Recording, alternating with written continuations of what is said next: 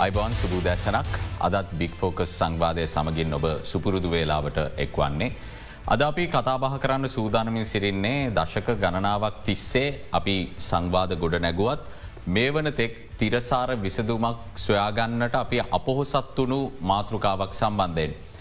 කේදවාචකයක් වාර්තාවුණු සෑම අවස්ථාවකදීම අපි මේ සම්බන්ධයෙන් වන කතිකාවත මතු කරලා ඉස්මතු කරලා උඩට ගන්නවා. නමුත් අපි එහිදී ඉදිරිපත් කරන යෝජනා ඉදිරිපත් කරන වැඩපිළිවෙලවල් මොන්න තරම් දුරට ක්‍රියාත්මක වනවාද කියන එක විශාල ප්‍රශ්නාර්ථයක් බවට පත් වෙලා තිබෙනවා. දිගින් දිගටම මේ ආකාරය කේදවාචකයන් වාර්තාවීම තුළින්.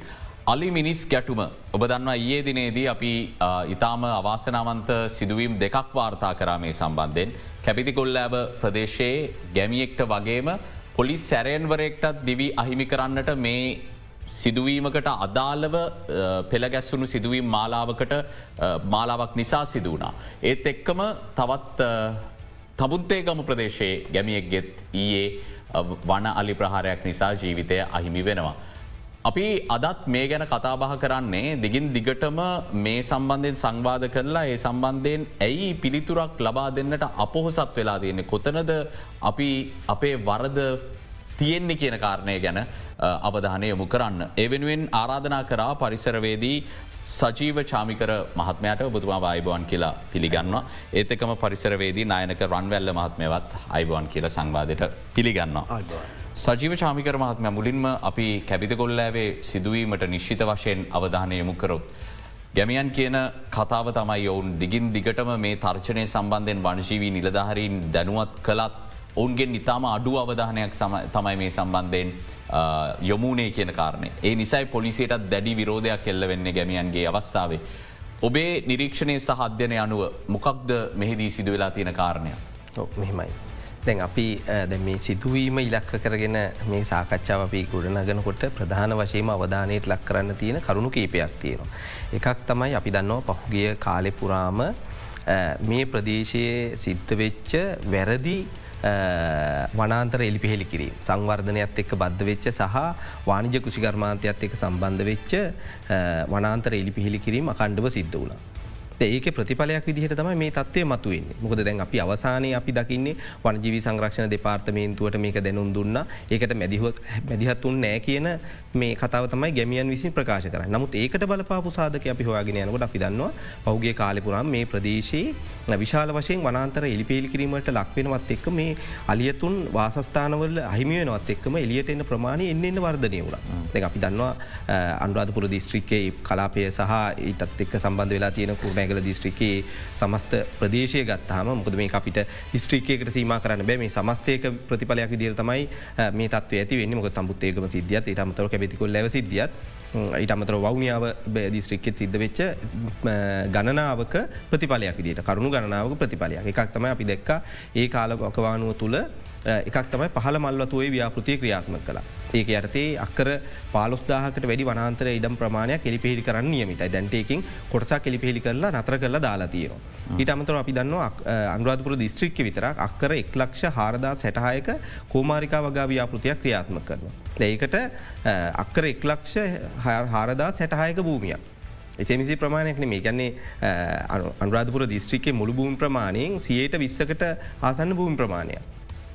මේ ව්‍යාපෘතිය සඳහා ලබාගන සැලසුම් වෙලා තින් දැයක එලි පෙරි කිරීම් කටයුතු පහුගේ කාලය පුරාම අකණ්ඩව සිද්ධ වුණ. එතකොට මේ දේවල් අකණ්ඩව සිද්ධ වෙද්දී අනි පැත්තෙන් පෞගි දවස්සල වැරදිම වැරදි ප්‍රතිපත්තිමේ තීන්දුව කරගත්තා රජය විසින්. ඒ තමයි පහ දෙදාසක කියන චක්‍රලයකය අහෝසි කරන්න පහ දෙදසික චක්‍රලයකින් කරේ වන සංරක්ෂණ දෙපාර්තමීන්තු යට සේතා වනජීවි සංරක්ෂණ දෙපාර්තමීන්තුව යටතේ රක්ෂිත විදිහට ප්‍රකාශයට පත් කල තියෙන භූමි ප්‍රදේශ හැරෙන්න්න රජයට අයිති වනාන්තර ඉඩම් පාලනය වුණ වන සංරක්ෂණාඥ පන්ත විසිනිව ගන්ති අරති. එතකොට ඒකට යටත් කල තිබුණ විශේෂම පහ දෙදාසක කියන චක්‍රලයක යටතේ තමයි ප්‍රාදේශලේකම් සහ දිස්ත්‍රික්ලේකම් යටතේ තිබ වනාන්තර ඉඩම් පාලනය වනේ එතකොට වන සංරක්ෂණක්නද විසිනිව ගන්ති අරති. එතකොට ඒ ඉඩම් ටික නැවත වරක් එක දෙදස් විස්ස කියල චක්‍රලයකයක් ගෙනල්ල සහ දෙක දෙදස් විසික කියලා තවත් චක්‍රලයකන දෙකක් ගෙනල්ලා ඒකෙන් කළේ ඒ ඉඩම් ටික නැවත වරක් මැනීම් කරලා වන සංරක්ෂ දෙපාර්මේන්තු ඉවත් කළ ප්‍රදේශීලකම් සතු කරන්න ගැසටනීම චක්‍රලයක දෙකක් නිකුත් කළ යනු ප්‍රදේශීලකම්ට අභිමතයක් ලැබෙනවා ඔහුට හිතන විදිට මේ සංවර්ධන සංවර්ධනයට පාවෙන් කරන්න සහ විධ භාවිතාවන් සඳහා ලබාදෙන්. ඉතින් මෙන්න මේ ක්‍රියාවලිය පහුගිය කාලෙ පුරාම ඉතාම දරුණු විදිහට අනුරාධපුර දිස්ත්‍රික්කය කුරුණෑගල දිස්ත්‍රික්කේ ඒවගේ වවනියාව මේ ආශ්‍රිතව දැ මේ සාකච්ඡාවට ලක්කන මේ කලාපොල තා බහුල වශයෙන් සිදුවනා. මේ මොකද මේ මේ රජයට අයිති වනාන්තර ඉඩම් කියෙන් රක්ෂිත නොවන රජයට අයිති වනාන්තර ඉඩම හිම නැත්තම් පහුගේ කාලයෝක හැඳිනුව වැරදි නමකින් එක්තම අවශේෂ කැලෑ කියලා හෙම වර්ගයක් මේ තිබේ රජයට අයිති වෙනත් කැලෑ කියන නාමෙන් තම ඒවා පනතේ හඳුන්නල තියන්නේ දොට මෙන්න මේ ඉඩම් විශාල වශයෙන් ඉලිපිල් කරන්න පටන්ග. ඒක ප්‍රතිඵලයක් විදිහට ඇති වෙලා තියෙන තත්ත්වය මේක. එතකොට ඒකට වනජීවී සංරක්ෂණ දෙපාර්තමේන්තුව වගකීමක් තියෙනවා. වගකීමක් නැතුව නෙමේ නමුත් ඔවුන්ට තනියෙන් මේකට වගකීම දරන්න බෑ. එතකොට මේ ජනතාව විදිහට ජනතාවට මේ ලොකු පීඩනයකට ජනතාව ලක්කිරීමේ ක්‍රියාවලිය මේ වැරදි ප්‍රතිපත්මේ තීරද. ඒවට දේශපාලක්ඥෝ සම්බන්ධ වෙලා තියෙනවා ඒවගේ බලය ඒ කාල්වක්වානයේදී බලයට පත් වෙලා හිටපු රජයේ වගකීම දරන්න නමුත් ජනතාවට තේරෙන්නේ මේ අලි ගම්වදිනවා ඒකට විසුදුමත් දෙන්න කියනක විතරයි ජනතාවට තේරේ. නමුත් අපි පහුගේ කාලේ දම්ම අකණ්ඩව මේ අරගලය ගෙනනිච්චේ. මේ ප්‍රශ්නයට අපි දිගින්දිගට මැදිහත් වනේ මේක අපි හරි කරුණු තේරුම් අරගන්න මොකද හේතුව තමයි අලි මිනිස් ගැටුමක් තත්වයට පරිවර්තනය වෙන්න බලපාන සාධක ගණනාවක් තියෙනවා. ඒ සාධකවල එක ප්‍රතිඵලයක් විදිහට තමයි මතු වෙන්නේ අලි ගම්බැදීම කියන එක. එතකොට දෙ ඒක විසඳන්න ජනතාව වනජීවි සංරක්ෂණ දෙපාර්මේන්තුවට ඇගිල්ල දික්කරලා හෝ හෙමනැත්තන් උන්ට කිවට පස උන්ට තියෙන විධ හේතු සාධක මත එක එන්න ඇත්තං අවසානයේදී ජනතාව මේ තත්වයට පරිවර්තනය වෙන. එතකොට මේක වගකීම සාමූහික වගකීමක් තියෙන්. නායනක රන්වැල්ල මහත්මයා දැන් මෙතන තියෙන ප්‍රශ්නය මෙතුමා පැහැදිලි කරන විදිටත් වනාලි ගම්බදිනවාද නැත්නම් ගම වනයට ව්‍යාප්ත විමින් තිබෙනවාද කියන කාරණය. ඒවගේම දැන් මේ ප්‍රශ්ය විසදන්නට ප්‍රතිපත්ති මේ තීරණය ගන්න එක කෙසේ වෙදත් මේ තත්ව උග්‍ර කරන්න තමයි ගත්ත තීන්දු තීරණ හේතු වෙලා තියෙන කියලා පැහැදිලි. මොකක්ද ඔබේ නිරීක්ෂණය. ඔව දැන් ඇතරම මේක ඉතාම වටින මාතෘකාවක්. හැබැ අපි හැමදාම මේ මාතෘකාව ගැන දීර්ගුව සාකච්ඡා කරනවා. මිසක් මේකේ ප්‍රායෝගික ක්‍රියාකාරකම් වලට යොමු වෙලා නෑ. විශේෂෙන් මං කියන්නවන මෙතන අපේ සජීව මහත්මයාගේ කතාවට තවත් පොඩි එකතු කිරීමක් දැන් මේ අඩවිය බලන මැදවච්චිය වනජීවී අඩවිකාර්යාලයේ නිලධාරීන් ඉන්න පස් දෙනයි. එතොට ඒ නිලධාරීන් පස් දෙනාට කිසිදු මේ මෝටර් රතයක් හෝ වෙනත් වනජීවි වාහනයක් දීලනෑ යතුරු පැදියක් පමණයි මන්දනුවත් ඔවුන්ට දීලතින එකෙත් යතුරු පැදියෙන් ගිහිල්ල මේ වගේ ප්‍රශ්න විසඳන්න බැරිබව අපි හැමෝටම තේරනවා. ඉතින් අනිත්තක ඒ වගේ නිත්‍ය සාමාජිකයන් ගාන පහක් වෙච්ච කාර්යාලයකින් විශාල වපසරයක් බලන්න වෙලා තින ඒ ප්‍රදේශ මීට මාස දෙකට නැත්තන් තුනකට ඉතර පූරෝ වශයනුත් දෙදෙනෙක් මේ පහරදීම්වල ලක් වෙලා මිය ගියා. ඉති මම හිතන්නේ එතන මීට වඩා ඒව පිළිබඳව සවිඥානිකෝ විද්‍යාත්මකෝ බලන්ඩෝනේ දෙපාර්තමේන්තුවත් මොකද දැන් පොලිස් දෙපාර්තමේන්තු අයටත් පහර දෙනවන ඒ පස් දෙනා ගිහිල්ල මේ ප්‍රශ්න විසඳන්න ගියොත් එතනත් විශාල හානියකට ඔවුන් ලක් වෙනවා. ඉතින් සජීව කිව වගේම මේක ඇත්තට මූල වස්තු බීජය තියන්නේ ඒ ප්‍රදේශය වනන්තර හායනය. ඉති ඒ වනන්තර ඔක්කොම හායනය කරල අන්තිමට ගමත් මේ අලින්ට නිරාවරණය කරලා ඒක රකින්ඩ කියලා දීපු වනජීවී නිල්ධාරින් පස් දෙන සහ සුවේච්චා පිරිසක්කින්නේ ඒගොල්ලොත් මහිතන එතන ඉන්න අවුරදු අටක් සේවය කරන අය දෙපාර්තමේන්තුවේ තාමත් ස්තිර කරලන ද ඇත්තටම එතකොට ස්තිර නොකරපු කෙනෙකුට හිතන්න පුළුව ම ජීවිත අවධාන මරගෙන මොකටද මේ වැඩවලට යන්න කියලා. ඒ ඇත්තන ලංකා පැපි වනජීවි දෙපාර්තමේන්තු හැම කාරයාලෙන් වගේ දකිනවා. අවුරුදු සමාරය දාහතර දාහය එකොළහා ඒ වගේ අයඉන්න තාම ඒගොලන් ඉන්නේ මේ ස්තිර නැති කොන්ත්‍රාත් පදන කොන්ත්‍රාත් සහ නියම් පදනමි. ඉති එතකොට දැන් මේ වගේ භයානක රාජකාරයකට ඔන්න යොමු කර ගැනීමේ අසීරුතාවයක් තියෙනවා.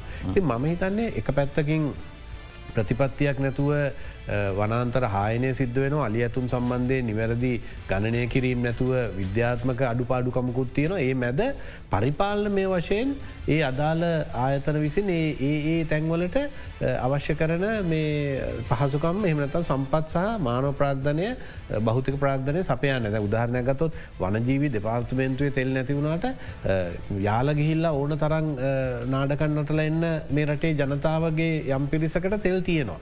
ඉතින් දැන් මේ වගේ ප්‍රශ්න තියනම් මෙතන. මංහිතන මේ ප්‍රශ්න සියල්ලම අපි විසඳුව නැත එකක් තමයි විද්‍යාත්මක හරියට නිවැරදි අපිගාවේම විසඳුමක් තියනවා. එක යන්න මේ විසඳුම අපි හැමදාව සාකච්ඡා කලට විසඳුම නැතුවන මේ විසඳුම ක්‍රියාත්මක නොකරන ප්‍රශ්නය තියෙන ඒකන ම තන එක පැත්තක් විසඳුමක් තියන ක්‍රියාත්ම කරන්න දෙවැනි පැත්ත අඩුගාන මේක කළමනා කරණය කරන්න ඕන විදිිය වනාන්තරහායනය නතර කරන්නෙත් නෑ අවශ්‍ය කරන අවශ්‍ය තරමට සම්පත්දීල වනජීවී ඒකක ස්ථාපනය කරන්නෙත් නෑ මේ ප්‍රශ්න ඔක්කොම මැද ජනතාව මේ පිළිබඳව නිශ්චිත දැනුවත්වීමකුත් නෑ මොකක්ද දැන් අපි දන්න බොහෝ පෞරාණික ගම්මානවල අලි ඇත්තු එක්ක දිවිගෙවීම ඉතාම හොඳට කෙරුණ උදාහරණයකුට කුමන ජාතික වන උද්‍යානය මැද පස්සේ අයින් කලා වන උද්‍යාන මැදුුණා කුමන ගම්මානය?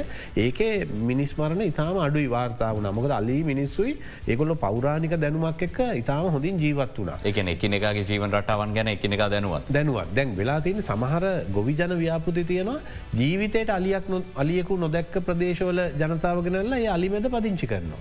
ඒවත් මේක ගැටලු ඉති ම හිතන මේ සමස්ත පද්ධතියම අල්ලගෙන අපි මේකට නිශ්ිත විසඳුමක් හොයනවා මිසා කෑල්ලෙන් කෑල්ල විසඳුම් ලබාදීම හැකියාවක් නෑ මේක මීටත් වඩා ත්‍රීවර වෙනවා මේ සජීවකිවෝගේ තවදුරටත් මේ මහා විශාල වගාවන් වේවා වෙනත් දේවල් සඳහා භූමිය ගත්තොත් කියන කාරණය තමයි අපි දකින්නේ.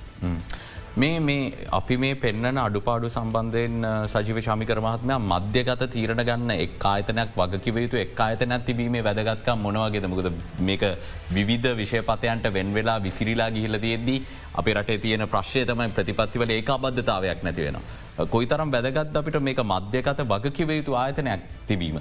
දැන් අපි මහිතන්න ඒ ගැන පුළුල්ල ටිකක් සාකච්ඡා කිරීම වැදගත්වෙන මොකද හේතු තමයික මේ මේ ප්‍රශ්නයට මහිතන්න ඔබහපු එක එකැන අපි පිවිසෙන් ඕන කරන ප්‍රධාන කාරණයක්. දැනට තවම අපි පිවිසෙන්න්න හෝ ඒ ගැන අවධානයට යන්තන්වත් ලක්කරල නැති කාරණය මොකද එකට හේතුව තම අපි දන්නවා එක පැත්තකින් අලියතුන් ජීවත් වෙන වන සංරක්ෂණ දෙපාර්තමේන්තුව යටතේ පාලනය වන වනාන්තරවල. ඊට අමතරව තව වැඩි පූර ප්‍රමාණයක් ජීවත් වෙනවා වනසත්වා ක්ෂලතා ආරක්ෂණ ආඥාපනත යටතේ ක්‍රියාත්මක වෙන වනජීවි සංරක්ෂණ දෙපාර්තමේන්තු යටතේ. ඊට අමතරව දැ මේවා සේරම රක්ෂිත ප්‍රදේශ. එතකොට මේ පරිබාහිරව තියෙනවා තව වනාන්තර කොටසක් ඒ තමයි මහවැලි අධිකාරී යටතේ පාලනය වෙනවා තව විශාල වනාන්තර ප්‍රදේශ මහවැලි කලාප තුළ. ඊට අමතරව අපි දන්නවා විහාරගම් දේවාල පනත යටතේ තියෙන හින්දගම් ඉඩම් විශාල ප්‍රමාණයක් තියෙන වනාන්තර විදියට. ඊට අමතරව තව තියන ඉඩම් ප්‍රසංස්කන කොමිෂන් සභාවට අයිති වනාන්තර විදිිය. එතකොට මේ සමස්තයම මේ අලියතුන් ජීවත්වන පද්ධති විශේෂෙන්ම තෙත් කලාපේ වියලි කලාපේ ස්ථාන කීපයක. මේ වියලි කලාපේ තෙත් කලාපේ ස්ථාන කීපයක මේ විදිර දකින්න ලැබෙන. එතකොට මේ තත්ත්වයක්ත් එක්ක ද අපි දකිනවා එක්ක වනජීවියක විතරයි මේකට පුළුල් මැදිහත්වීමක් කරන තත්වයක් දකින්න ලැබින් විදුරුවටවල් සකස් කිරීම වනජීවි සංරක්ෂණ දෙපාර්තමේන්තුවේ පමණ කාර්යභාරයකට සීම වෙලා තියෙනවා. අනිතක පැත්තෙන් තම ඉළඟට සමහර වනාන්තර පද්ධති. එකන වනාන්තර පද්ධති විවෘත වෙන ආකාරයෙන් කරන මේ අලියතුන්ගේ වාසස්ථාන විවෘත කල්ලා කරන විදුලි වැටවල් ඉදිකිරීම් කටයුතු කොහිම වෙලාකොත් කරන්න දෙන්න වන සංරක්ෂණ දෙපාර්මේන්තුව මහවලි අධිකාරිය වෙනත් ආයතන විසි ඒ අවස්ථාව දෙන්නේ නෑ ඒක ප්‍රතිඵලයක් දිට වෙන්නේ අර වනජීවි සංරක්ෂණ දෙපාර්තමේන්තු ඇතේ පාලනය වන රක්ෂිත ප්‍රදේශවල විතරක් විදුරටවල් ගහන්න ගහිල්ල අලි තවදුරටත් ඒගොල්ලන්ගේ භූමි ප්‍රදේශය තුළ හුද කලා කරන එමනත කණ්ඩනය කන ගොලගේ වාසස්ථාන ටික කුට්ටිවලට වෙන් කල්ලදාන. ද මේකත් එක් මේ ප්‍රශ්නය තවදුරටත් උග්‍ර වෙනවා. එතකොට මේ ප්‍රශ්නය අපි හරිවිදිහට මැදිත් වෙන මේ සියල්ලම අවශ්‍යයිද ඒ විතරක් නෙමේ තව විශේෂයෙන් අපි අවධානයට ලක් කරන්න ඕන එකක් මේ සමාජය තුළ තාම හරිවිදිහට මේක මාධ්‍ය තුළවත් ම දෙකලන හරියට සාකච්ඡාවට ලක්වෙන ඒ තමයි අපේ රටේ බෞතිකව ගොඩනගන ආකාරය සම්බන්ධයෙන් හැදවා ජාතික බෞතික සැලැස්ම මේ සැලැස්ම හැදුවේ දෙදා සෙකොලා වරුද්ධතමයි ප්‍රකාශයට පත් කරේ දෙදා සෙකොලා දෙදස්තිය ජාතික බෞතික සැලැස්ම විදියට ඒක යාවත්කාලීන කර දෙදස් දහට දෙදස් පණහ ජාතික බෞතික සැලැස්ම විදියට. එතවට මේ ජාතික බෞතික සැලැස්මට අනුවතම පහුගේ කාලෙ පුරාම මේ සංවර්ධන කටයුතු සීග්‍රීන් කළේ. ඒක ඇත්තටම අපින් වියුක්ත වෙච්චේ කියන අපේ රටේ ජීවත්වෙන ගොවියගේ එමනැත්තන් දීවරයගේ මේ කම්කරුවගේ කුඩා පරිමා නිෂ්පාදකයගේ ඒ ඒ යාගේ ජනජීවිතයෙන් බද්ධ නොවිච්ච සංවර්ධන ක්‍රියාවලියකට තමයි ජාති බෞතික සැලැස්ම හැදුව. එතකොට ඒක යටතේ කරන ඉදිකිරීම් සහ සංවර්ධන කටයුතු හින්දා මේ ප්‍රශ්නය තවදුරට උග්‍ර වෙලාතිය. එතකොට වනජීවී සංරක්ෂණ දෙපාර්ත්මේන්තුව වන සංරක්ෂණ දෙපාර්ත්මේන්තුව සහ අනෙත් වනාන්තර පලිපාලනය වෙන ආයතන ඉරමතර ජාතික බෞතික සැලසම එකන බෞතික සැලසුම් ආයතන මේ සංවර්ධන ව්‍යාපති ක්‍රියාත්ම මේ සියලු මේවා වියුක්ත වෙලා කටයුතුවෙන්. දැන් උදාහරණයකට අපි ගත්තොත් හෙම දැන් පහුගිය කාලේ පුරාම අපි ජාතික භෞතික සැලැස්මත් එක ගත්තහම හම්බන්තොට ඒකන ජාතික භෞතික සැලැස්මට අනුව මහානගර පහක් ඉදිවෙනවා ලංකාව පුරාම. ඊට අමතරව අධිවේගී මාර්ග පද්ධතියක් හැදෙනවා. ඊට අමතරව අලුතෙන් මහ පරිමාණ වානිජ වගාවන් වලට ලබා දෙන විශාල කලාපවෙන් කල් තින දැන් උදාහරණය හැටියට විශේෂම නැගෙනහිර සහ අපි ගත්තොතය අම්පාර දිස්ත්‍රික්කේ මොනරාගර සහ බදුල්ල දිස්ත්‍රික්කවල විශාල ඉඩම් ප්‍රමාණයක් ලබා දෙනවා වානිජ වගාවන්වලට විධ සමාගම්වලට මේ ජාතික භෞතික සැලස්මට අනු ඊට අමතරව වැඩිපුරම ඉඩම් ප්‍රමාණයක් ලබා දෙන්න සැලසුම් කල තින ජාතික භෞතික සැලස්මට අනුව උතුරු මැද පලාති සහ උතුරු පලාති. ඒගැන මුළු සමස්ත භූමි ප්‍රමාණයෙන් සියයට හතලියකට ආසන්න ප්‍රමාණයක් ඒ පලාත් දෙකින් විතරක් ලබා දෙන්න සැලසුම් කල තින මේ ජාතික භෞතික සැලස්මට අනුව වානිජ වගවන්වලට විධ සමාගම්වලට මහ පරිමාණ සමාගමලට විදේශය සමාගම් වෙන්න පුළුව දේශය මහ පරිමාණ සමාගම් වෙන්න පුළ ලබා දෙන සැලසුම් කල තින ඒක බෝග වානිජ වගාව වලට. දැන් එතකොට මේ හැම සැලස්මක්ම එකනෙකට වියුක්ත වෙලා හැදිලතිී. ද මේ ප්‍රතිපල දැන් අපි පොඩි දත්ත ටිකක් ම ඉදිරිපත් කරන්න මේ ජාතික භෞතික සැලස්ම හැදුවට පස්සේ හදල ක්‍රියාත්මක වෙනකොට කොයි වගේ තත්වයක්ද මේ අලිමිනිස් ගැටුම කියන එක වර්ධනය වුණේ කියල? දැන් ම පොඩ්ඩක් ඒක මේ පොඩි මේ අපි විග්‍රහයක් කරොත්තෙම අපි දැන් ජාතික භෞතික සැලැස්ම හදන්න ඉස්සෙල්ලා අපි කාලවක්වානුව ඊට පස්ස කාලවක්වානුවයි සංසන්ධනය කළ බැලුත් මේක පැදිලිය අපි දන්නවා දෙදා දෙකේ ඉන්ද්‍ර දෙදා සය වෙනකං කාල අවුරුදු පහක කාලය තුළ අලි මිය ගිහිල්ල තියන අලිමිනිස් කටම ප්‍රතිපලයක් විදිට හයසි හැට නමයක් මිනිස්සු තුන්සියක් මරණයට පත්වෙලා තියෙනවා. මේ දත් ඉදිරිපත් කරන ඇතරම හරිම කනගාටුවකින්. එකන එහෙම නැතු මේක වර්ධනය වීම නිකක් සතුටක් හෝ හෙමක් නෙම හරිම කනගාටුවකින් ඉදිරිපත් කරන දත්තටික් මේ දත්තටික හිටමතර දෙදා සතේන්ද්‍ර දෙදා සෙකුල හවරුද වෙන දෙදා සෙකුල තම ජාති භෞතික සැලස්ම හෙදන්නේ ඒ අවුරුද්ධ වෙනකොට වසරකට මියගේ අලියතුන්ගේ ප්‍රමාණය සේරම අවුරුදු පහම එදදා සකසී විසිතුරක් මිනිස්සු තුන්සිය තිස් පහක් මරණයට පත්වෙලා තිබුණ. එතොට මේක සාමාන්‍ය ගත්තහම වසරකට දෙසිය විසි පහයි මිනිස්සු හැට හතක් විතර මිය ගිහිල්ල තිබුණ. ඉරිවසි ජාතික භෞතික සැලසුම හදල ක්‍රියාත්මක වෙන්න පටන්ගත්තට පස්සේ දෙදස් දොලහින්ද්‍ර දෙදස් දාසය වෙනකොට අලියතුන් එදදා එකසිය හැට නමයක් මේ ගීල තිබ මිනිස්සු තුන්සිය හැට එක. ඊට පස්සේ දෙදස් දාහත ඉන්ද්‍ර දෙදස් විසියක වෙනකොට යවරුද්ධ වෙනකොට එදදා සයිසිය හැට නමයක් මිනිස්සු මිය ගිහිල තිබ්බ. මේ අලියතුන් මිය ගිල තිබා මිනිස්සු පන්සිය අට දක්වා වර්ධය වෙලා තිබ. ඒක සාමාන්‍යගේ ගත්තහම වසරකට මේ යන ප්‍රමාණය මේ ජාති බෞතික සැලස්ම ක්‍රියාත්ම කරන්න පටන්ගත්තට පස්සේ සාමාන්‍ය වසරකට තුන්සිය තිස් අතරක් අලියතුන් මිය යනවා. අලින් මිනිස් ක්‍රියාකාරකම් හින්ද අලින්ගේ පහරදීම හින්ද මිනිස්සු එකසිය දෙකක් දක්වා මේක තත්වය වර්ධනය වෙලා එතකොට අපිට පහුගේ ඉතිහාසේ පුරාම තිබ්බ දත්ත සංසන්ධනය කළ බලනකොට පේනවා මේ ජාතික බෞතික සැලැස්ම කියන එක මේ මිනිස්සුන්ගේ වියුක්ත වෙච්ච වැරදිම සංවර්ධන සැලැස්මක් හැදවා. මොකද ඒ සැලැස්ම ප්‍රධාන වශයෙන්ම පාදක වුණේ චීන සංවර්ධන චීන ව්‍යාපතිවාදය සහ චීන සංවර්ධන සැලසුමත් එක මොකද චීනය වන්රුට් වන් බෙල් සංකල්පයත් එක්කාපු ක්‍රියාවලිය අපේ රට කොහොමද ගොදුරු කරය කියලව එක එක පැත්තකින් අපි නයිවලින් අපි ගොදුරු කල් තින එක පැත්තින් අනි පැත්තින් ඊලගේ අපේ රටේ ස්භාවික සම්පත් ඇතුළුව මේ අලිමිනිස් ගැටුම වර්ධනය කරන එකද අලිමිනිස් ගැටුමද අපි කතා කරන්නේ අලින් මිය යාමසා මිනිසුන් වියහම විතර.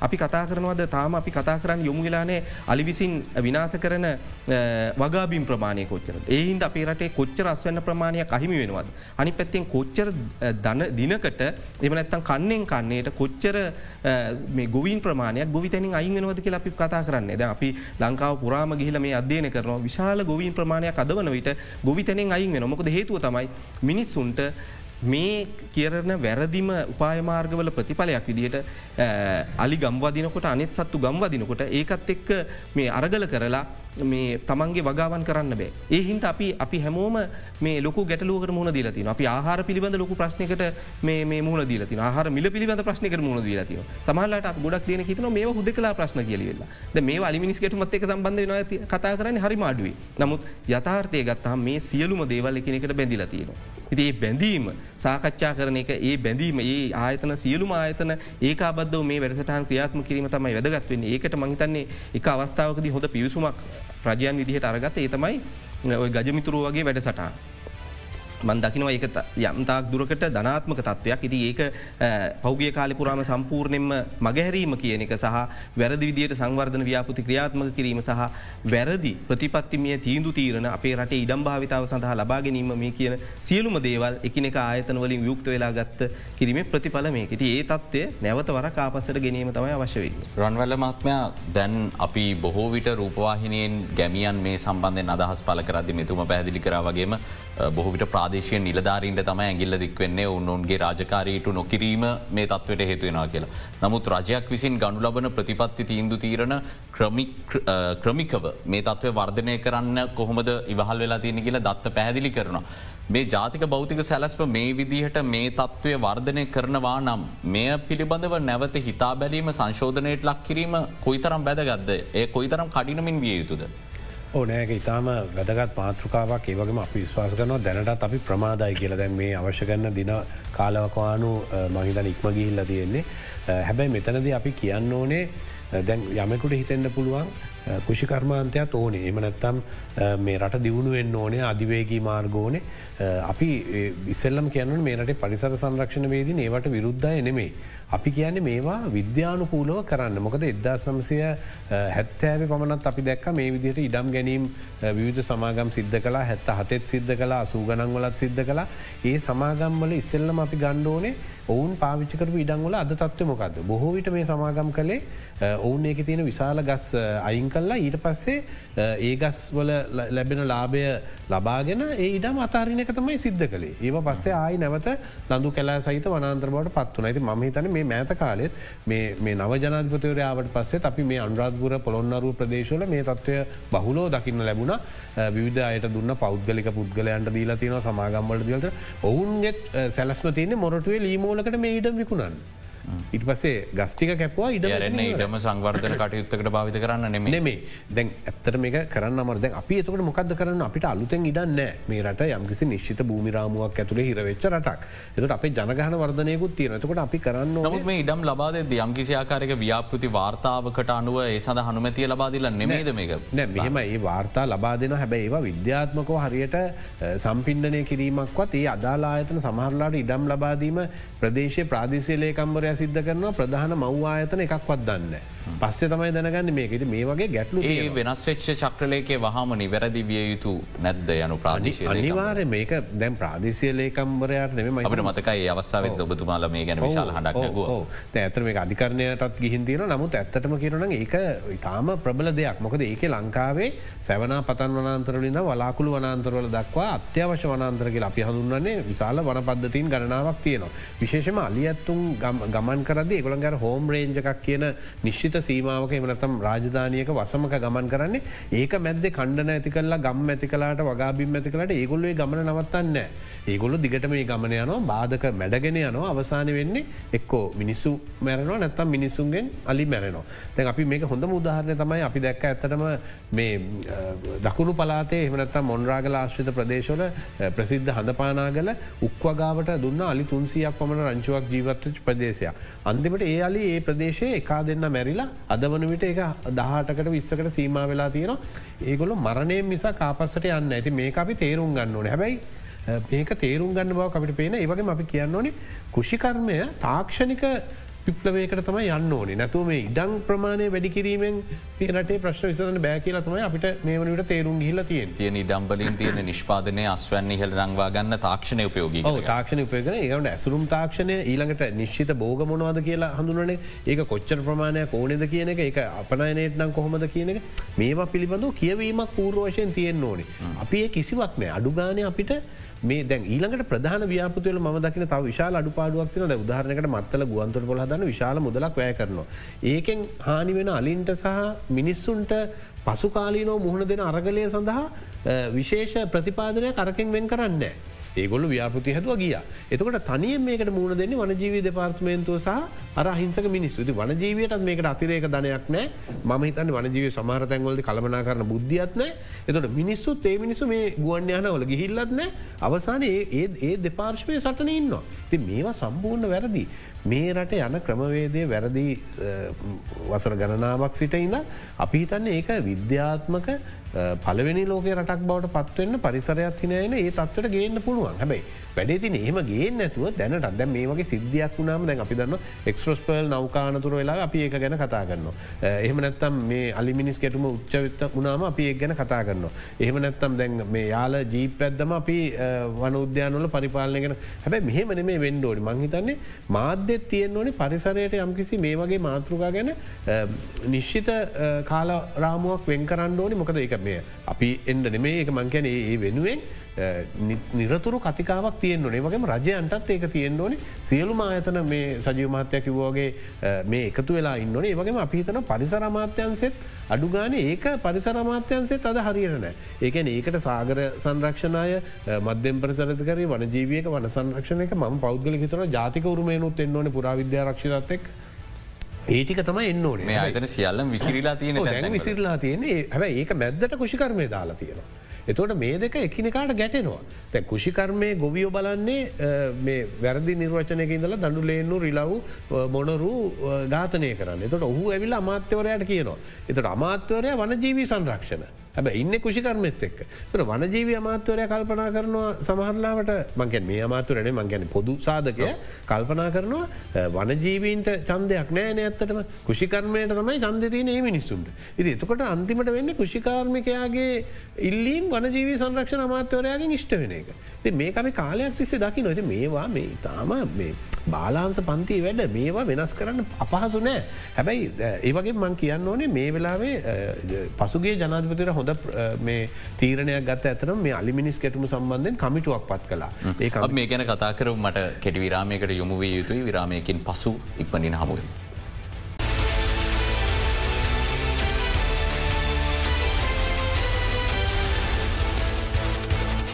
අපි අලිමිනිස් ගැටුම සම්බන්ධයෙන් සාකච්ඡා කරමින් සිරින්නේ සජීව චාමිකර මහත්මයා අපි විරාමයට කලින් කතා කර රාජ්‍ය ප්‍රතිපත්තිවල තියෙන අඩුපාඩු මේ තත්ත්වය උග්‍රවෙන්න කොමද බලපාන්නේ කියලා. නමුත් මේක ඉතාම සංවේදී කාරණයක්. පොලි සැරෙන්වරෙක්ට ජීවිතය අහිමි වෙනවා ඒවගේ බනාලි ප්‍රහරයක් නිසා ගැමියෙක්ගේ ජීවිතය අහිමි වෙනවා මේ ගම්බල ජනතාවගේ හැඟීම් බොහොම ආවේගශීලී ඒ වගේ අවස්සාවන් වලට. අනි පැත්තේ මනජීවී නිලධහරින්ට දැඩි විරෝධයක් ගමෙන් එල්ල වෙනවා. මෙතුම පැහැදිලි කරන විදිට මේ ප්‍රදේශයට ඉන්න පස් දෙනයි. ඔවුන්ට ගිල්ල මැදිහත්වීමේදී විශාල අවධානමකුත්තියන ආවේගශීලී ගම්මුත් එක්ක. තොට මේ බිම්මට්ට මේ තත්ත්වය යම්තාක්තුරක රාජ ප්‍රතිපත්ති සකස් කරන්න මේ අයට පරක් වෙනවන. අඩුම ගන්න බිම්මට්ට මේ තත්ත්වය හෝ තුලනය කරන්න. මොනවගේ තීරද කඩිනමින් ගන්න පුළුවන්? තීරණ ගණනාවක් තිය මොකද හේතුව තමයිද අපි පෞගේ දවස්සල විශේෂම කැබිති ගොල්ලෑව සහ ඉට අමතරෝය සම්පූර්ණ කලාපේ මාවරණය වන පරිදි අලි මිනිස් කැටුම පාලනය කරන්න ඕන කරන විවිධ තත්වයන් සම්බන්ධයෙන් අධ්‍යනයට ලක් කර. විශේෂම තලාව ප්‍රදේශය ඇතුළුව ගණනාවක. ඒ ප්‍රදේශය ඇති වෙලා තියෙන ලොකුම ගැටලුව තමයි එකක් පැත්තකින් වැරදි විදිහට විදුළුවටවල් සකස් කරලා තිබිය මේක ප්‍රධානම ගැටලුව. අද වන විට ඇතිවෙලා තියෙන ප්‍රධානම් ගැටලුව තමයි මේ වනාන්තර පද්ධති ටික විවෘත නොකිරීම. එතකොට මේකට බලපෑමත් ජනතාව විසින් එක පැත්තකින් කරන්න ඕන. මොකද ඒකත් වෙන්නේ නැහැ ගොඩක් වෙලාවට ඒකත් ගැටලුවක් තියෙනවා. දැන් මොකද හේතුව තමයි හැම වෙලාවෙම මේ පද්ධතිය ඛණ්ඩනය කරලා තියෙන්නේ. ඒක එක පැත්තකින් තියෙනවා. අනිත් පැත්තෙන් ඊළඟ එක තමයි අපි දැක්ක පහුගිය කාලේ පුරාම මේ අගල් කපනවා කියලා මේ අලිමිනිස් කෙටුම පාලනය කරන්න අගල් කපනවා කියලා ඉතාම අක්‍රමවත් විදිහට විදුලි වැටවල් ආශ්‍රිතව සමහර තැන්වල පස්ජාවාරම සඳහා අගල් කැපීම සිද්ධ කලා. ඒ ප්‍රදේශ දේශපාලක්ඥෝ සම්බන්ධ වෙලා තමයි ප්‍රධාන වශය මේක සිද්ධ කළේ ඒ තත්වේ ඒක ප්‍රතිඵලයක් විදිහට අද ඇති වෙලා තියෙන තත්වය තමයි ගම්වදින අලිටික නැවත වරක් වනාන්තරයට මේ පලවා හැරීමට වනජීවි සංරක්ෂණ දෙපාර්මේන්තුවට බැරි වෙලා තියෙනවා. මොකද හේතුව තමයි ලොකු බාධක ඇති ගල තින ඒ බාධකත් එක්ක ඒ සතුන් සමහරලාට එක ස්ථානයකින් දුර්වල ස්ථානයකින් කඩාගෙන ගම්බැදීම සිද්ධ වෙන නැවත වරක් ඒ ස්ථානයෙන්ම මේ වනාන්තරය තුළට යවන්න හරි අමාරු මොකද හේතුව තමයි ද සාමාන්‍යින් ඉස්සර සාමාන්‍ය කරපු දේ තමයි විදුරුවට වෙන තැනකින් විෘත කල්ලා හෝ දුර්වල තැනක් පාවිච්චි කරලා ඒ සතාව නැවත වරක් වනාන්තරවලට පලවාහරින සිද්ධ කරනවා. මේ තත්වය වරින්වර දකින්න ලැබෙන දැ උදාහරණයකටියට ජූලි අගෝස්තු සැත්තැම්බර් විශේෂම අගෝස්තු සැත්තැම්බර් මාස වෙනකොට මේක වර්ධනය වෙන තත්වයක් තියෙනවා ගම්බැදීමේ තත්වය. තකොට ඒ වගේ අවස්ථාවලද ඒ වගේ උපාය මාර්ගගත. නමුත් අද වන විට වැරදි තීන්දු තීරණ අරගෙන කරපු ක්‍රියාවලින්වල ප්‍රතිඵලයක් විදිට ඒක කරන්න බෑ එතවට ගම ජනතාවක් විදිහට ඒකට මැදිහත්වීම වැදගත්වයනවා. අනි පැතින් ඊළඟ එක තමයි දැන් අපි ගොඩක් කලාවට දැන් විදුලිවට කිවහම අපි හුද කලා විදුලිවට විතරක් විශ්වාස කරනවා. මොකද හිද කලා විදුලිවට විතරක් විශ්වාස කිරීම තමයි මේකට එක පැත්තකින් සමහර වෙලාවට මේ විදුලිවටවල් සකස් කිරීමේදී තාක්ෂණයන් පිළිබඳ ලොකු අඩුපාඩු තියෙනවා.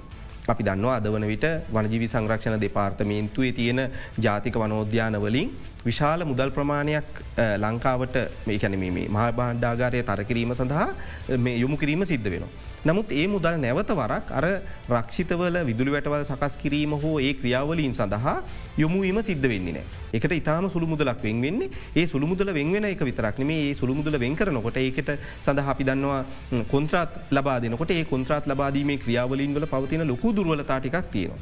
හැබැයි ඒ සියලුම දේවල් වල වන්දී අවසානයේදී ජනතාව තමයි ඒ වන්දිය ගෙවන්න සිද්ධවෙන්. ඒ ජනතාවගේ බදු මුදල්වලින් හදන විදුලිවැටවත් හරි විදියට සකස් කරගන්න බෑ. දෙතකොට අපිට තව අපි ඒ හිහිදම යෝජනාවල් ගණනාවක් කල තින මේ විදුලිවැට දෙපැත්තේ කොහොමද ජෛව බාධක හදන්න කියලිවෙන්න.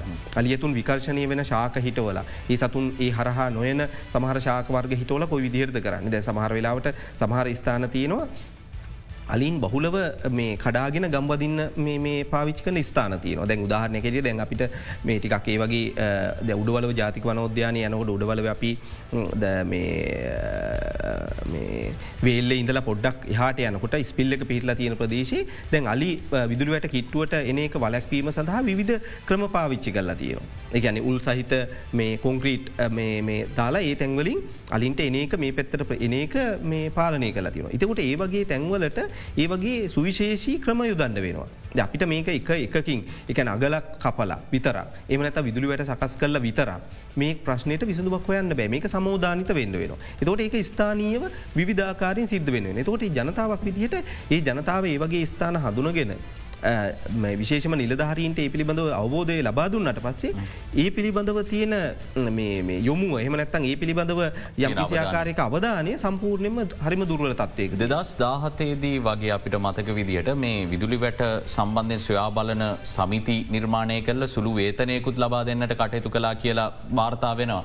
Uh, මේව ක්‍රියාත්මක වෙනවද එය අනුව. මහිතන්නේ ඒක නොවීම. මහිතන්නේ මං ඊළඟ එකක් විදිහට එන්න හැදුව ඔබ ඒ සඳහන් කරපුදේ මොකද හේතුව තමයි දැන් සමහර ගම්මානවල අපි uh, දන්නවා විශේෂම අපි මැදිහත් වෙලා ඒවගේ කරපු තැන්තියනවා ඒකන්නේ uh, වනජීවි සංරක්ෂණ දෙපාර්මේන්තුව සිවිල්ලාරක්ෂක දෙපාර්තමේන්තුව සහ ඒ ප්‍රදේශයේ ජීවත්වෙන ජනතාවගේ සමිති සමාගම් හරහා මේක පසු විපරම් කරන යාන්ත්‍රණයක්. එකන අපි දන්න විදුරි වැටක ඒකැන අඩුමගානේ දිනකට එක වරක්වත් ගිල්ල එමනත්තන් දවස් කීපයකට සැරයක්වත් ගිහිල්ල දුරුවල තැන් හඳුනගන්න වෙනවා. ඊට අමතරෝ දැන් සමහර තැන්තියෙනවා ඒ සතුන් විධ උපක්‍රම යොදනවා ඒ කඩල ගම්වාදන්න මොකද දැ මෙතැන්දි ම මේ කතා කරන්නේ නැවත වරක් හුදෙ කලාව විදුලි වැටක් ඉදිකිරීමේ විතරක් මේකට ප්‍රශ්න විදුම් සොය හොයන්න බෑ කියන පදනමත් මං පෙර සඳහන් කරපු දේවල් සියල්ලම යටත්ව. යටත්ව කියනක අදහස වෙන්නේ සියල් මේ විදුලි වැටක් නිර්මාණය කරන්න ඕනේ හැම වෙලාම වනාන්තර පද්ධති විවෘත වෙන ආකාරය. වනාන්තර පද්ධති තියනේ කණ්ඩනය වෙන ආකාරයෙන් විදුලි වැටක් සකස් කල්ලි වෙලා මේ ප්‍රශ්න විසුවන්න බෑ එතොට ඒ විදිහයට විවෘත වෙන ආකාරයෙන් සකස් කරන විදුලි වැටත් ශක්තිමත්ව හදන්න ඕනේ ඒකේ අලින්ට ඒක කටලදාන්න බැරිවෙන විදිහට විධ තාක්ෂණික ක්‍රමවේදයන් පාවිච්චි කරන්න ඕන ඊට අමතරව විදුලිවට දෙපැත්තේ ශක්තිමත් ජෛව බාධක ඇති කරන්න ඕ. මෙන්න මේ ක්‍රියාවලින් සියල්ලම ක්‍රියාත්ම කරන්න ද ඒ සියලුම දේවල්වලට ජනතාවගේ සහභා සහභාගිත්වය ලබා ගැනීම හැකියාව තියෙන සමහර ප්‍රදේශවල අපි දන්නවා ජනතාවගේ සහභාගිත්‍ය මේ වගේ කරපු දේවල් ඉතාම සාර්ථක වෙලා තියෙන. දැන් හැම වෙලාම තියෙන්නේ මේ විදුලි වැට සහ එහම නැත මේක ඉදිකිරීම ඇතුළු මේ සියල්ලම ජනතාවගෙන් අයින් කල්ලා තිය. වන්ජීවි සංරක්ෂණ දෙපාර්මේන්තුවේ නිලධාරීන් තමන්ට කැමති අයට තමයි මේ කොන්ත්‍රාත් ලබාද තොට ජනතාවට ඒක තියෙන විශ්වාස නැතිවෙලා ගිල දැන් සමාර්තැන්වල අපිට වාර්තා වෙලා තියෙනවා මේ වනාන්තරයෙන් ඒ කොන්ත්‍රත් අරගන්න පුද්ගලය වනාන්තරයම ගස්ටික් කපල ඉවල්ලා ගෙනල්ල තම යර විදුලට සකස් කර තුර ජනතාවට ඒක පිළිබඳව තිය විශවාස නැති වෙලා අනි පැත්ති ඊළඟ තම නිවරදි පරිදි හදන්න. සමහරතැන් අපි දැකල තියෙන නිකන් යන්තන් කොඩි වලකාරල වෙල්ලා විදුරුවට මේ කනු හිටෝල ඒකට කම්පිටික ඇදලා විදුරට සකස් කිරීම ඉති මෙන්න මේවත් එක්ක ජනතාවට ඒක තුළ තියෙන විශ්වාසය නැති වෙලා කියලා ඉති මේවත් අපි මේ ප්‍රශ්නයත් එක්ක සාකච්ඡාවට ලක් කරන්න ඕන කරන දේව රන්වැල මහත්මයා වනජීවී දෙපාර්තමේන්තුව පැත්තෙන් කියන තවකාරණයක් තමයි ජනතාවගේ සංචරණ රටාවනුත් මේ තත්ත්වය උග්‍රවෙන්න බලපාල තියෙන සාධකයක් වෙනවා කියලා. විශේෂෙන් මේ විදුලි වැට සමහර තැන්වලින් අක්‍රිය කල්ලා ජනතාව වනයට පිවිසීම සඳහා අවස්ථාවන් නිර්මාණය කල්ල තියෙනවා දඩයම් කිරීම ඇතුළු තවත් හේතු කාරණ සඳහා. ඒත් එක්කම ජනතාව මේ විදිර කරන දේවල් නිසා උන්ගේ රාත්‍රී සංචරණය සීම කරන්න කියල තියෙන උපදෙස්සේම පිළිපදින්නේ නෑ කියලා. එතකොට මේ තත්වය ගැන ඔබ කොම දකින්න. ඕ මම හිතන්නේ ඒකත් වැදගත් කාරණාවක්. විශේෂෙන් කියන්න ඕනේ විදුලි වැටවල් අපි යෝජනා කරන්නේ වනාන්තර වටකොට විදුලටවල් සවිකිරීම ඒක යල් පැනගිය ක්‍රමවේදයක්. අපි යෝජනා කරන්න ගම්මාන වටකට විදුලටවල් ඉදිකිරීම තමයි වර්තමානය ලෝක පිළිගත් සහ විද්‍යාත්මකව සනාත වෙච්ච ක්‍රමවේදය. ඒකට වනාන්තරය මැද ගම්මානයක් තියෙනවන මොකක්ද පිකට කරන්න පුළන් එකම දේ තම අපට ඒත් ගම්මාන වට කරන්න පුළන් තොට යන මාවතත් එක් ගම්මාන වට කිරීම හැකියාව තියෙනවා. හැබැයි ඉවැනි විශාල වියදමක් දරලා එබැනි විදුලුවටක් සකස් කරනට අපි බලන්න ඕනේ ගම්මානය අපිට වෙනතරට ගෙනියන්න පුළුවන්ද කියලා ඒ මිනිසුන්ගේ ජීවිතත් මීට වඩා සුරක්ෂිත රක්ෂිත කරන්න සහ ආර්ථකම වශන ශක්තිමත් වන විදිහට. ඉති මේක කොච්චර අපි විදුලිය වනාන්තර වට කල්ලා එල්ල කළත් මේක හරියන්නේ නෑ අපි අනි පැත්තට යන්න ඕනේ. දෙවැනි එක තමයි මේ වගාබිම්. අපි යෝජනා කරන්නේ වගාබිම් වලටත් ඇත්තටම වගාබන් තියෙන කාලේ යම් කිසි සීසනල් විදුලි වැටක් එමනත්තම එක කාර්තුවකට විතරක් තියෙන අඩුවිය දම් විදුලි වැටක්. දැක ගල්ගමුවේ ඒක නියම් ව්‍යාපති කීපයක් මේ ආචාර ප්‍රතිවරාජ් මහත්තයාගේ ප්‍රධානත්වයෙන් සිද්ධ වෙනද මහිතන ඒව ඉතාම සාර්ථක අ, ලක්ෂණ පෙන්නලා තියෙනවා. ඉති ඒවගේ මංගර කියාගෙනාවත් ජන පසුගේ ජනපතිවරය කමිටුවක් පත් කලායි කමිටුවේ ප්‍රතිවරාජ් ප්‍රණන්ඩ මාත්‍යය තමයි ප්‍රධානය හැටියට කටකුව තුමා ඒ පිළිබඳව ඉන්න ප්‍රාමාණික වියතෙක්.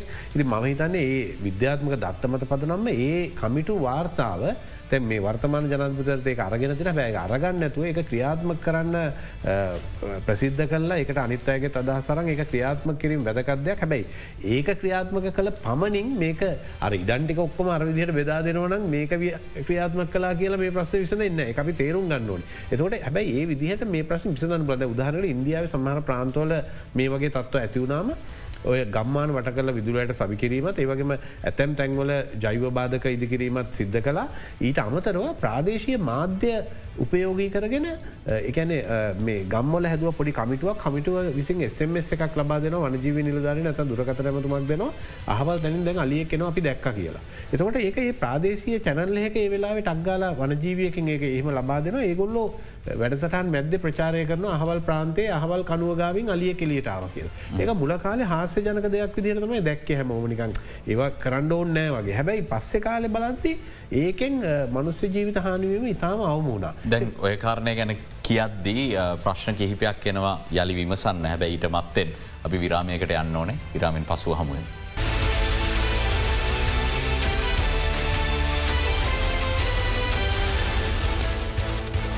රන්වැලමත්මය ඔබතුමාර මේ ඉන්දියාවේ ක්‍රියාත්මක වෙච්ච සාර්ථක සන්නිවේදන ක්‍රමවේදය ගැන කතා කරද්දි. ඒ සිදුවීම ගැන විතරක් අවධානයම කරත් ගැමියන්ගේ ප්‍රධානම චෝදනාව තමයි වනචීවි නිලධාරීන්ට ගිහිල් කාරයාලට ගිහිල්ල කිව්වත් අලියත් ගිහිල්ල පෑකීපයකට පස්සෙ තමයි එතනට එන්න කියලා.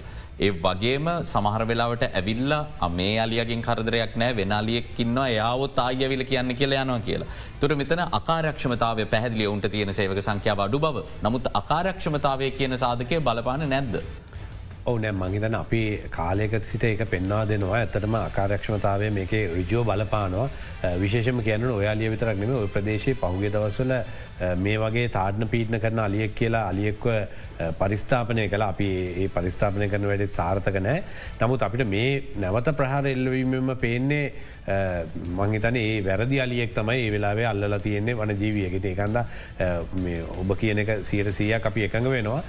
මීට වඩා කාර්යක්ෂම වෙන්න ඕන. හැබයි ඒකම අර භෞතික සම්පත් එතන ඇතිකිරීමත් වැදගත්. හැබැයි ඒම අකාරයක්ෂමතාවයක් අපිට බොහෝ තැන්වල පේනවා. ඉතින් මිනිස්සු කිව් පමණින්ම දෙන්න බෑ. හැබැයි අපි මේක පොසිටව්ලි හිතල නිශේධාත්මකව නැතුව හැමතිස්සම මේක සාර්ථක වේ කියල හිතලා අපි හැමෝම බැඳිච්ච යාන්ත්‍රණයක්. එක එක්කෙන ප්‍රශ්න අමතක කල්ලා තැන් ඔය මේ අපි පොඩක් කියන විදුලිවට සමහර පැතිවල අපි දැකල තියෙන උල්ලිටිය වගේ පැතිවල යනකොට විදුලි කම්බියෝලින් තමයි ගෙවල්ල වැටවල් බැඳල තියෙන් එහම නැත්තම් රෙදිවල් සකස් කල්ලා තියන් මේ ඉතින් මේ අලි ගමටේනුවට ගහපු විදුලිවට ගලෝගෙන යනෝ සමහරය ඒක කම්බි අරං යන ති එතකට එහෙම වුණම කොහරි ප්‍රදේශකට ඒක ප්‍රශ්න බලපානවා. ඒවා හැම පැත්තම තේරුම් ගන්නවන. ම හිතන අපි එකනෙකාට විවේචනය කරගන්න නැතුව අපි කැමති ඕන වෙලාවක කිසිදු මුදලක් අපි අයකිරීමක් කරන්න නැති අය. අපි කැමති ඔන්ලා අපේ දැනුම ලබා දෙන ඒවගේ මේ ප්‍රදේශෝල්ට යන මහිතන ගම්මලායත් එකතු වෙලා මේ වනජීවියකත් එකතු වෙලා මේකට අපි අර දරණීය දරාගත හැකි විසඳුමක් ලබාදීම තමයි වහම කළ යුත්තේ. හැබැයි එහෙම නොකලොත් මේ ඉස්සරහට අපිට අලි බලන්ඩ වෙන්නෙත් මියසියම් මේක තියෙන පුළුම් පුරෝපු නිදර්ශකයක් විදිට ඒවගේම මේ ආහර සුරක්ෂිතාවත් සජීවකව වගේ නැතිවෙන මොකද මේ අපි අර කාලයක් දැක්ක අසුවට අසුනව භීෂණ සමේ කාලේ බොහෝ ලංකාවේ දිස්ත්‍රික ගණනාවක් සවස තුනාමාර හතර වෙනකොට දැඩි බීතියකින් වෙලිලක් හිටියේ. ඒ තත්වම තමයි අත ලංකාවේ විශාල දිස්ත්‍රික ප්‍රමාණයක තියෙන මේ අලි ප්‍රශ්නයන්ද තුනාමාර හතර ඉඳං ආයි උදේ අට ඉතර වෙනකම් ඒ මිනිසින්නේ මරබියෙන් ඒවිතරක්න මේ ලංකාව අලි ඇත්තු ඉන්නෙත් සාමාන්‍යයෙන් ඊයම්බරු කිලෝසීයක් තර ඇඟ ඇතුළ තියාගෙන වෙඩි කාලා තුවාල වෙලා ඉතාම මේ දරාගත නොහැකි පීඩනයක මේ පාර්ශව දෙකම ඉන්නේ. හැබැ ඒ මැද අර මේක සුරුට පත්තු කරන තින්න ඒකතම ඔබේ ප්‍රශ්න තියෙන උත්තර. ඉති මේ වෙනස් වෙන්ඩුව. සජීව චාමිකර මහත්ම අවසාන වශයෙන්ම කැමති යමක් එකතු කරන්න ආරාධන කර. ඔව කරුණු දෙකක් වැදගත්වෙනවා ඉස්සෙල්ල මහිතන නයනක කිවෝගේ එකන සමහර දැන් සංවර්ධන ව්‍යාපෘති කරනකොට කිසිදු ආකාරයකින් පරිසර බලපෑ මැගීම් වාර්තාවලින් තොරව තමයි ඒවට අනුමති දීල ක්‍රියාත්මක එකට හොඳ මුදාරණය තමයි මේ දිස්ත්‍රිකේ මන්ුවාදපුර දිස්ත්‍රික්කේම ක්‍රියාත්මක වෙච්ච කෝමාරික වගා ව්‍යාපෘති අක්කර එක්ලක්ෂ හාර්දා සැටහය දුන්න කිසිදු පරිසර බලපෑ මැගීමකින් තොරතම ඉඩම් මේ කැබිනට අනුමැතියකින් යටත ඒ ලබා දුන්න. එතකොට අපිට පේනවා නීතිය කොතරම් තිබ්බත් මේ වගේ සිද්ධවීමේ ප්‍රතිඵල තමයි අපිට මේ විදිහට අනිවාරෙන් අපිට බුක්ති විඳන සිද්ධවෙන් අනි පැතින් ඊළඟ එක තමයි අපි කතා කරන්නේ වනාන්තර ජාලගත කරනය සහ ඒ ක්‍රියාවලින් සම්බන්ධ ඊට අමතරව ඊළඟට තව ප්‍රධාන වශයෙන් අවධානයට ලක් කරන්න ඕන දෙයක් තමයි ඒ තමයි අදවන විට ප්‍රකාශයට පත් කල්ල තියෙන රක්ෂිත වනාන්තර තුළ සිදුවෙන විතාල හානිකර ක්‍රියාවලින් ගණනාවක් මේ තත්වය වර්ධනය කරන්න හේතු වෙලා තියෙන එකක් තමයි මේ ආක්‍රමික ශාක විශාල වශයෙන් පැතිරලා තියෙන. ඊට අමතරව මේවැ නීතිවිරෝධී වගාවන් ක්‍රියාත්මක වෙනවා. ඊට අමතරව තව ප්‍රධාන ගැටලුවක් තමයි හරක් මේ හරක් මේ රක්ෂිත ප්‍රදේශතුවලට ඇතුළත් කිරීම දරුණු විදිහට වර්ධනය වෙලා තියෙනවා. ඒක ප්‍රතිඵලයක් විදිහට වෙන්නේ ඒ සතුන්ට ඒ භූමි ප්‍රදේශයේ තුලම සුරක්ෂිතතාවය නැති වෙනකොට ඒ සතුන් ගම් බැදීම සිද්ධ වෙනවා. එතකොට මේවා අපි තේරුම් අරගන්න ඕනේ. එතකොට අපිට පේනවා අපි බලන්න ඕන පැතිකට ගොච්චර ප්‍රමාණයක් තියෙනවාද කියලා. ඉතින් මේ සියලුම දේවල් වගේම අනිත් පැත්තෙන් වනජීවි සංරක්ෂණ දෙපාර්තමේන්තුව ආරක්ෂක විශේෂම සිවිල් ආරක්ෂක දෙපාර්තමේන්තුව සහ ග්‍රමයේ තියෙන සංවිධාන එකතු වෙලා මේ විදුලි වැටවල් ආරක්ෂා කරන ක්‍රමවේදයකට අපිට යන්න වෙනවා. ඉතින් මේ සියලුම දේවල් තුල තමයි අපිට මේකට විසඳුම තියෙන්නේ. හොඳයි බේවින්ම ස්තුතියි ඔබ දෙපළට මාද අපේ ආරාධනාව පිළිගත්තාට මහිතන් දශක ගණනාවක් තිස්සේ සටන් කරන පරිසරවේදීන් විදිහට මේ තත්වය නිවරදි කරගන්න අදත් එයි තවත් පියවරක් විදිට මේ අදහස් පල කරන්න අපිත් එක එකතුනේ.